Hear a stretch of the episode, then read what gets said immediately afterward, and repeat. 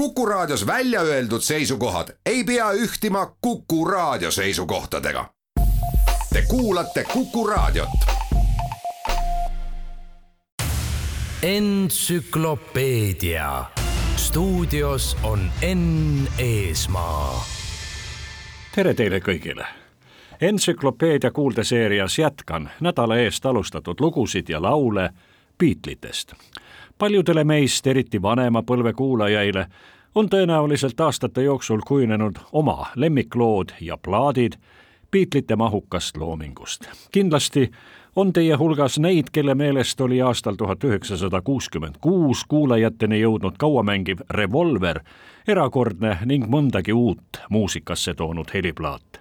Selle arvamusega on raske ja mõttetu vaielda, sest Beatleid tegid reeglina tipptasemel laule ja lugusid. lisan ehk vaid nii palju, et mängin teile loo, milles ükski neljast Beatlist pilli kaasa ei mängi. instrumentaali eest vastutas keelpilli oktett, kellele tegi seade George Martin. loo peamine autor ja laulusolist oli Paul McCartney, laulusõnu aitasid välja mõelda nii John, George kui Ringo ning kuuldavasti veel Johni ja teistegi Beatlite hea tuttav Pete Shotton, kes kunagi mängis alg-Beatlite ansamblis Quarrymen arvan, et veidi pikem sissejuhatus võib teile huvi pakkuda, sest räägin, olgem ausad, Beatlite ühest geniaalsemast, sügava ning nukra alltekstiga laulust Eleanor Rigby.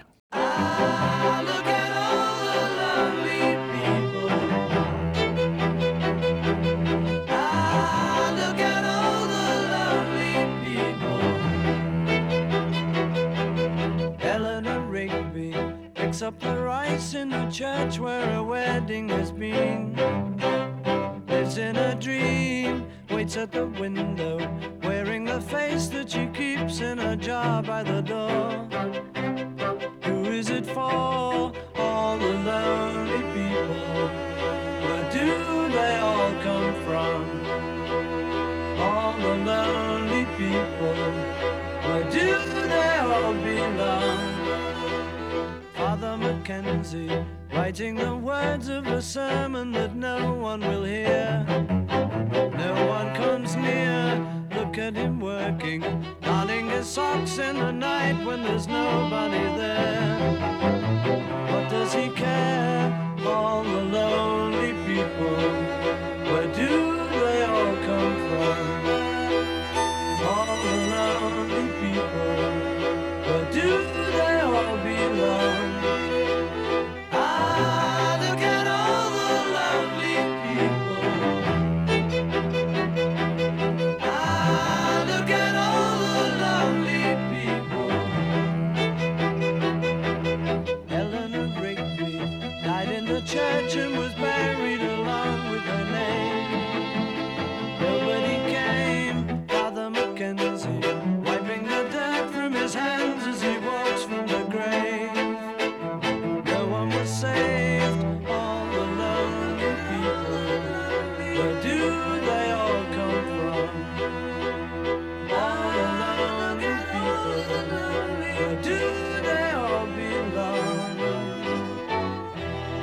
mina kuulun paljude nende hulka, kelle arvates pole ansambli The Beatles kaua mängivast heliplaadist Sergeant Pepper's Lonely Hearts Club Band paremat ei enne ega pärast neid popmuusikas tehtud. loomulikult on ülivõrded alati pisut eksalteeritud, sest kes meist võiks ausalt öelda, et on kõigi popansamblite kõik heliplaadid läbi kuulanud ning analüüsinud. ometi on Pepperi plaadil tõepoolest igaühe jaoks midagi, mis otsekui talle tehtud ja pühendatud.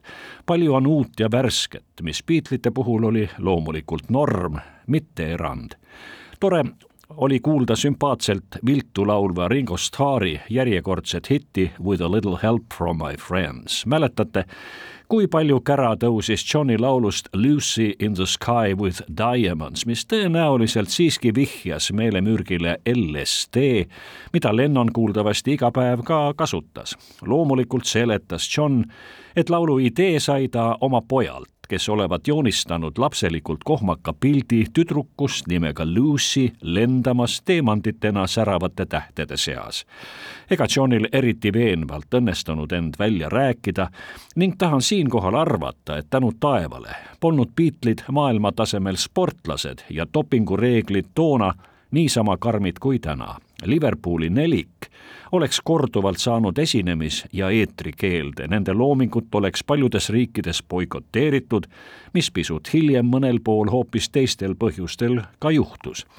igal juhul oleks ansambli saatus kindlasti olnud teine ja hoopis minoorsem. samas peab ütlema, et kui keegi tahab meelemürkide või ütleme leebemalt ergutite kohta midagi head öelda, siis paraku sobib siinkohal jällegi Beatleid meenutada mõnegi arvates on ka liigne kohvi joomine väga lähedal uimastite tarbimisele. sel juhul peaks koheselt lõpetama näiteks Balzaci teoste lugemise, sest see suur kirjanik olevat kohvi joonud tubli pangetäie jagu päevas.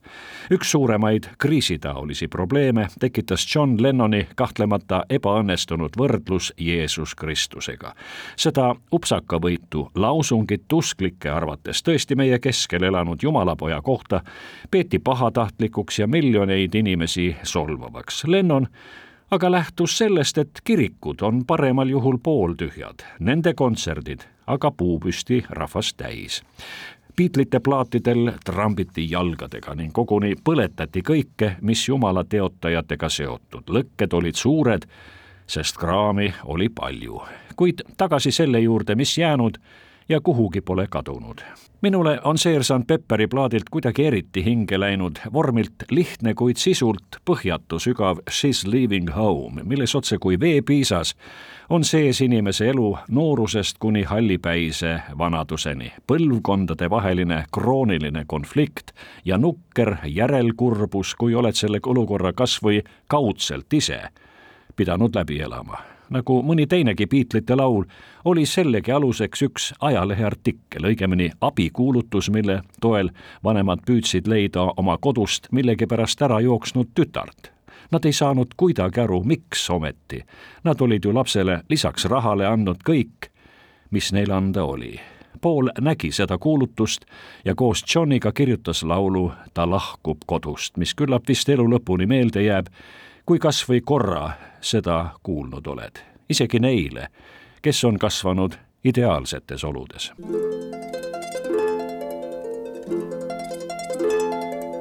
Wednesday morning at five o'clock as the day begins.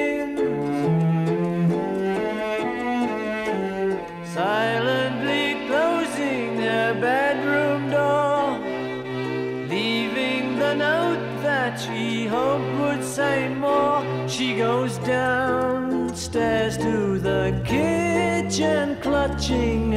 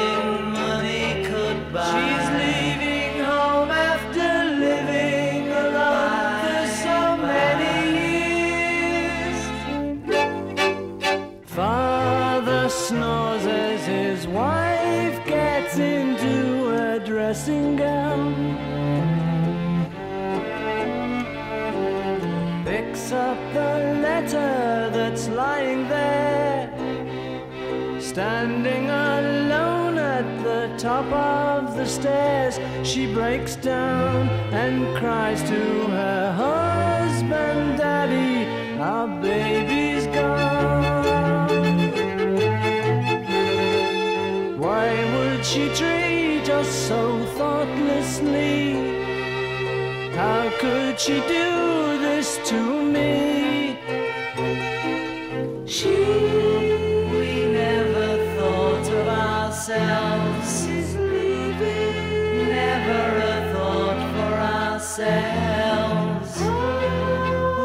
Struggled hard all our lives to get by. She's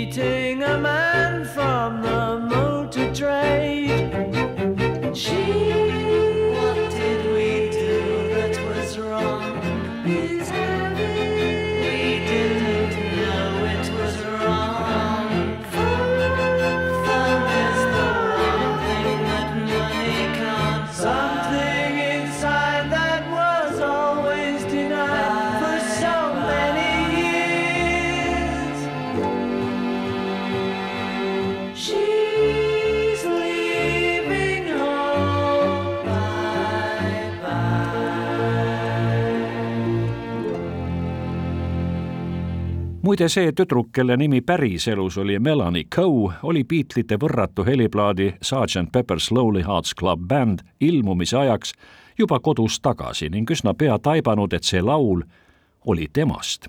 hiljem tuli välja, et kauni välimusega Melanie oli üsna hiljuti Paul McCartneyga kohtunud, staari kätt surunud ning kaamerate ja tuhandete vaatajate ees koguni paar sõna vahetanud. Melanie võttis osa BBC ülipopulaarse popmuusikasaate Ready Steady Go poolt korraldatud telekonkursist, milles noored pidid matkima päris lauljaid ning nende esinemisstiili. konkursi kohtunikuks oli Paul McCartney, kes andis võitjale kingituseks Beatlesite toona viimase heliplaadi. küllap juba aimate, et konkursi võitis Melanie Coe ning soovi korral võite Youtube'i kanalil seda videos säilinud käepigistust kas või täna oma silmaga näha. samal äsja kuuldud laulu ja kogu plaadi ilmumise aastal tuhat üheksasada kuuskümmend seitse algasid ka esimesed lõplikud lahkumised Beatlesite mikromaailmas. esimesena läheb vikerkaare taha Brian Epstein ja tänaseks on see nukker nimekiri juba üsna pikk. Pipra Seersandi plaadilt võiks saates mängida eranditult kõiki lugusid. aastal tuhat üheksasada kuuskümmend kaheksa alustas tegevust Beatlesite plaadifirma Apple. samal aastal käib ansambel end hingeliselt laadimas India tunnustatud guru Maharishi Mahesh Yogi juures. sellest reisist ammutas eriti palju George Harrison. vaevalt et küll just selle tõttu, kuid neliku koostöösse ilmusid esimesed mõrad, mis andsid kuuldavasti eriti tunda nende järgmise, kokku juba üheksanda, kuid esimese kahest plaadist koosneva kauamängiva The White Album lindistustel. Pole võimatu, et osaliselt tõi esimesi lahkulöömise mõtteid neliku liidritesse Yoko Ono, kes lõi kaasa vähemalt kolme laulu lindistusel sel heliplaadil seda naist John jumaldas, ülejäänud Beatlesid võõristasid ja Johni tädi Mimi koos suurema osaga inimkonnast vihkas, sest Yokot peavad paljud tänase päevani ansambli The Beatles hauakaevajaks. ühes intervjuus ütles Paul McCartney, et tema austas Yokot tõsiselt armastanud Lennoni valikut. Johnny olevat köitnud tugeva iseloomuga naised, nende hulka kuulusid Pauli arvates Johni ema ning ka tädi Lennoni esimene naine, Cynthia Powell, olnud Johni jaoks liiga pehme ja tavaline. Yoko Onos oli ja on aga erilisust pillavalt palju. kuid tagasi Valge albumi muusika juurde. oma panuse andis selle erakordse heliplaadi õnnestumisse multitalent Eric Clapton, kelle kitarr kõlab George Harrisoni kõrval laulus While my guitar gently weeps.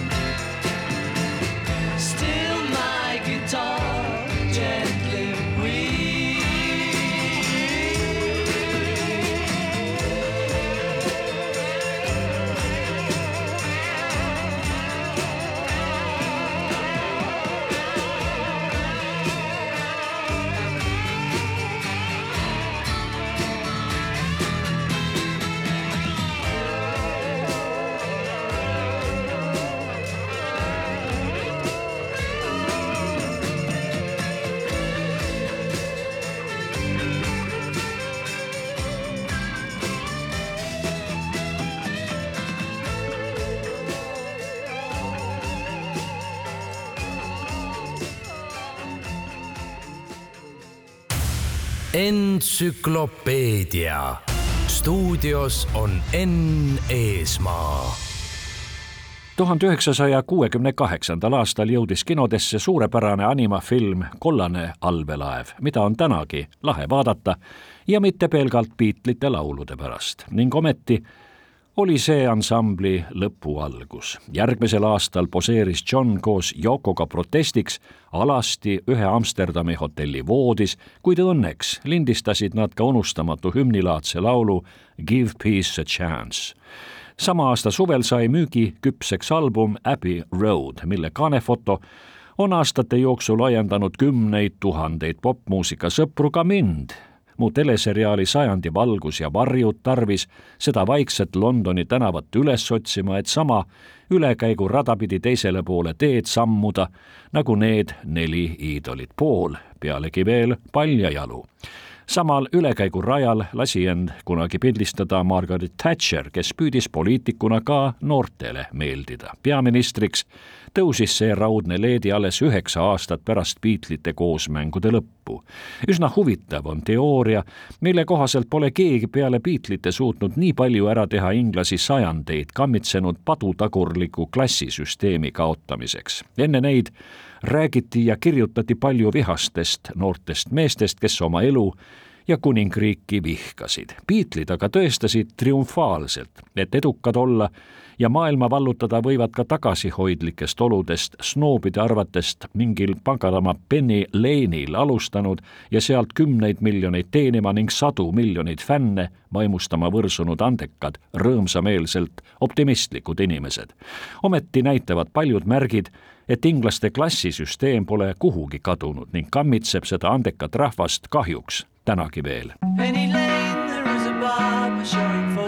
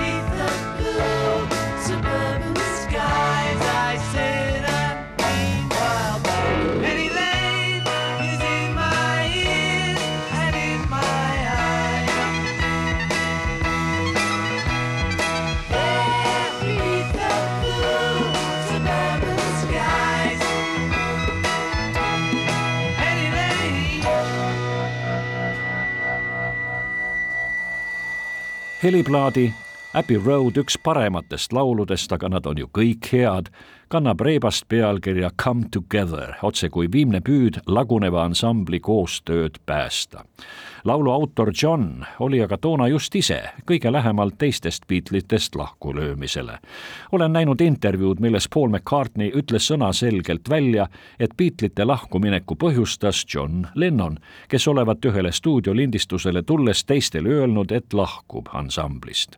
Lahkumineku üks põhjusi oli Lennoni kiiresti abieluni arenenud suhe Yoko Onoga, kelle ilmumist Beatlesite stuudiolindistustele teised, eriti aga Paul, pahaks panid ja nüüd on paras aeg meenutada, mida tegid ja kuhu jõudsid John, Paul, George ja Ringo pärast superansambli The Beatles lagunemist. Lennoni esimeseks Beatlesite väliseks soololauluks sai aastal tuhat üheksasada kuuskümmend üheksa Montrealis toimunud Johni ja Yoko niinimetatud voodi protestiaegu lindistatud laul, millest sai kiiresti ning otsustavalt rahuliikumise hümn. John Lennon lindistas seda laulu koos Plastic Ono bändiga.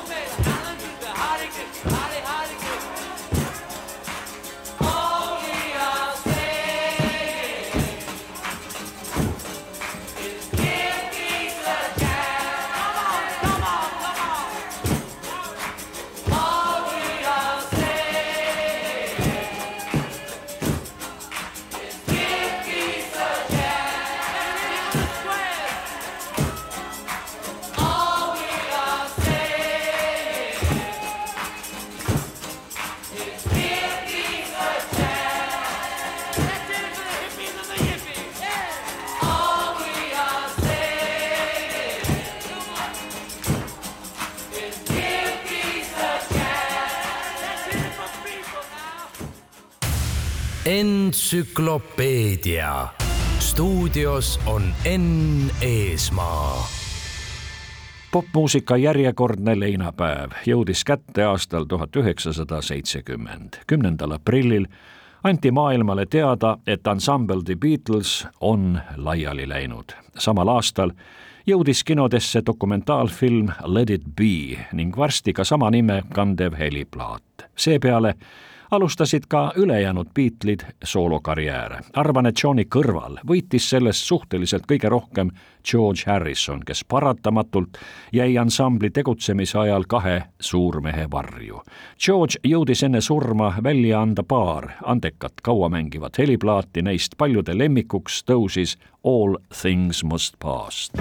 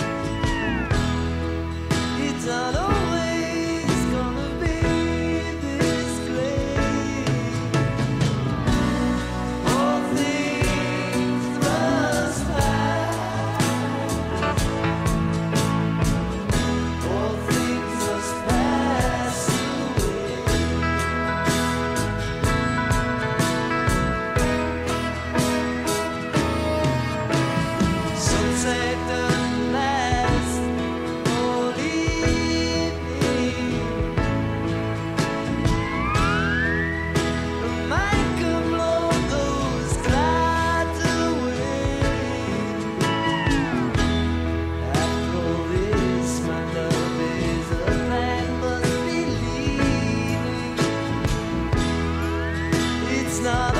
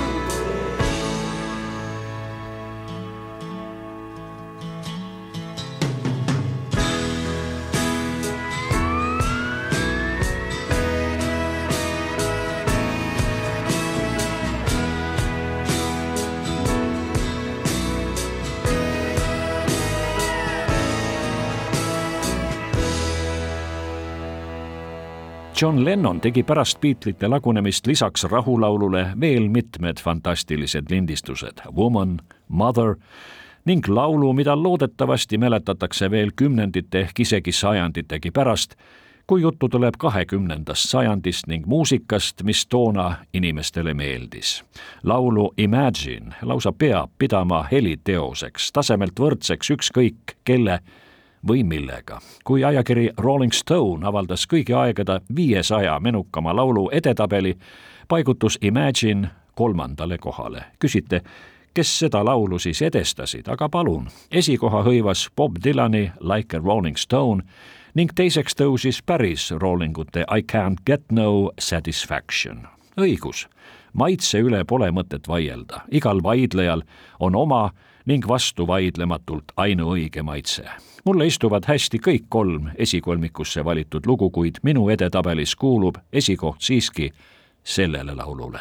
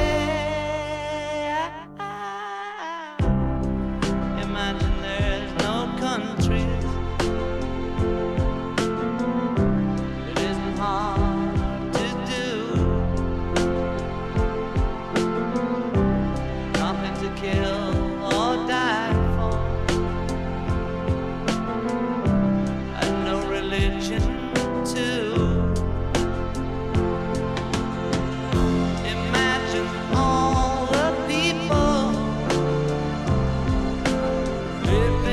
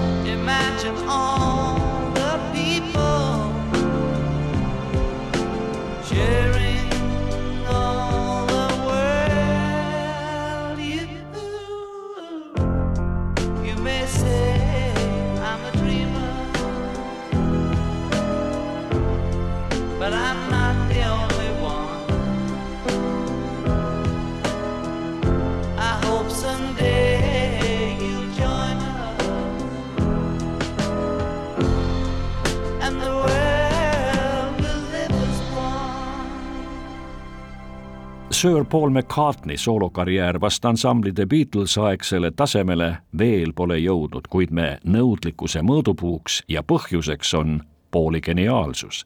teda on meeles peetud paljude preemiate ning autasudega. meenutan siinkohal vaid Gershwini preemiat, mille Paul McCartneyle andis aastal kaks tuhat kümme Valges Majas pidulikult üle president Barack Obama.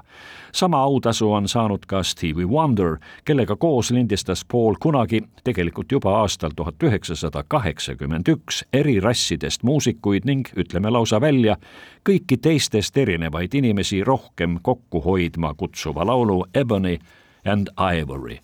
Paul on koostööd teinud ka Michael Jacksoni ning kümnete teiste maailma staaridega, sest kes poleks huvitatud olema laval või stuudios koos Paul McCartney'ga. Nendega ühines alles üsna hiljuti ka kantristaar Dolly Parton. loomulikult on lahedasti kuulatavad kümned lood ja laulud Paul McCartney paljudelt viimastel kümnenditel välja antud heliplaatidelt. tema elektroonilisel koduleheküljel on tänagi kirjas, et mullu tegi Paul koos ta praeguse bändiga kontserdituuri, millele panid nimeks Got Back Tour, viitega Beatlesite kunagisele laulule Get Back. muide, just seda nime pidi algselt kandma Beatlesite viimseks jäänud stuudioalbum. käiku läks ilmselt veelgi parem variant Let it be, millel saab soovi korral igavesti kuulda ka Pauli esitatud laulu, millel nimeks Get Back.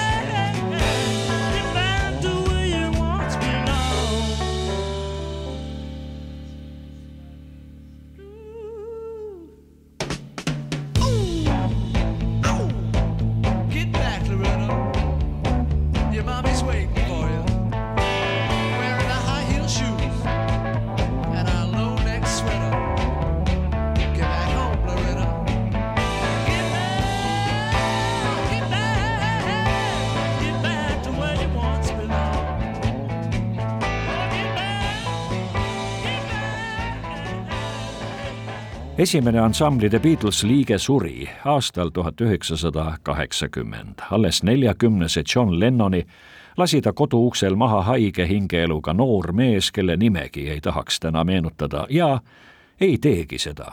kakskümmend üks aastat hiljem läks taevastele teedele vaid viiekümne kaheksa aastane George Harrison. taimetoitlased Paul ja Ringo löövad veel tänagi kaasa ning mitte vaid muusikas. Paul on asunud harrastama aiandust ning kasvatab herneid, spelta nisu rukist ja otse kui parafraasina ta kauamängivalt heliplaadil Pipes of Peace ka kanepit, täpsemini küll tööstuslikku kanepit, mida asjatundjad mõnuaineks ei tunnista, küll aga tehakse pooli kanepist riideid, köisi ja kosmeetikat. Ringo Starr tähistas oma kaheksakümnendat juubelit korraliku kontserdiga, millel tegi kaasa ka Paul McCartney. Ringol on vaimuka nimega All Star bänd ning seal mängivad mitmed maailmakuulsad muusikud, näiteks kunagise Toto asutaja Tallinnaski esinenud Steve Lukather. tunamullu sügisel jõudis kuulajaini Ringo uus minialbum ehk EP või täpsemalt Extended Play Change the World. Ringo pooldas Brexitit, kuna tema arvates pole Euroopa Liit viimastel aegadel soovitud suunas arenenud. aastate jooksul on Ringo kirjutanud kolm raamatut peamiselt oma ja ta sõprade elust. on ka põhjust, sest ehk mitte just otsustavalt, ent siiski suuresti tänu neile sai Ringo Starrist maailmakuulsus, kellele vähemalt trummarite seas raske võrdväärset leida. What would you think if I sang out of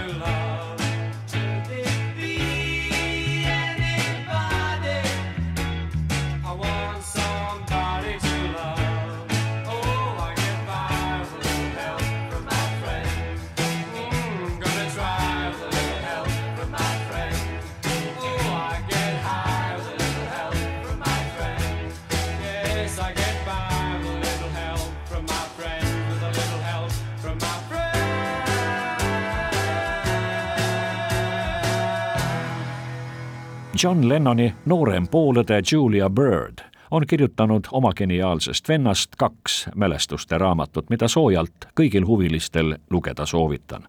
Paul McCartney viimane raamat Lüürika tõusis kiiresti paljude riikide menukamate trükiteoste hulka, ta seni viimane heliplaat McCartney kolmas jõudis kuulajateni aastal kaks tuhat kakskümmend. loomulikult tegi ta järjekordse tasemel albumi, kuid ometi on kõik see juba pikkamisi hääbuv järellainetus, mis meile meenutab, et kunagi on olnud ookean nimega The Beatles.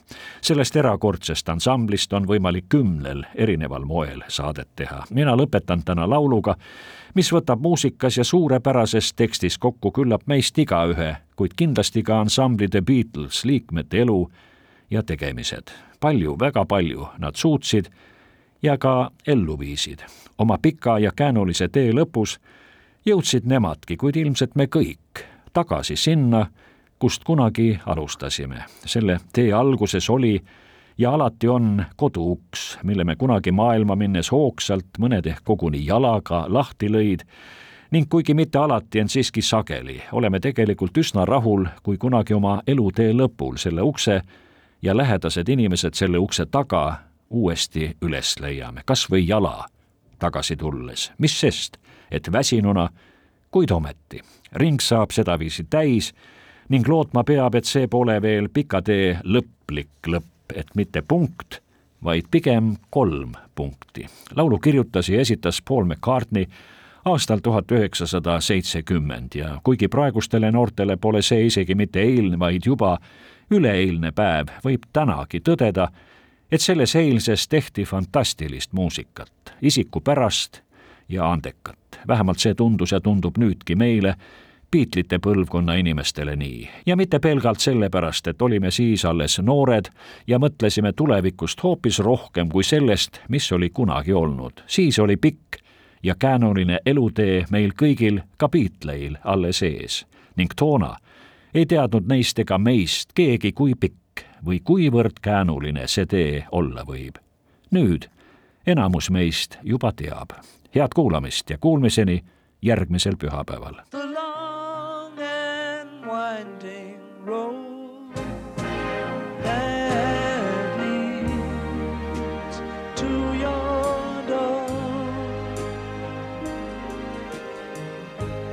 Will never disappear. I've seen that road before.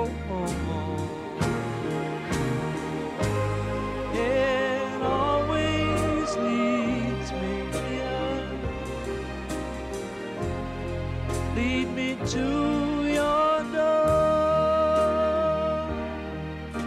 The wild and windy night that the rain washed away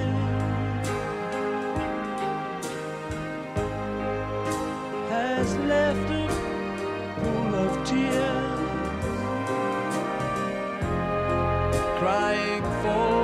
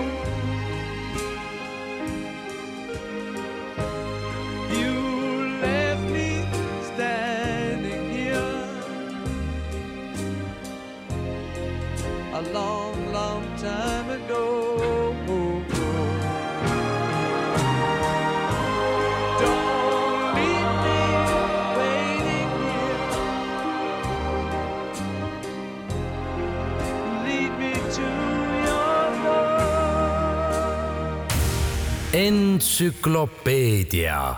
Stuudios on Enn Eesmaa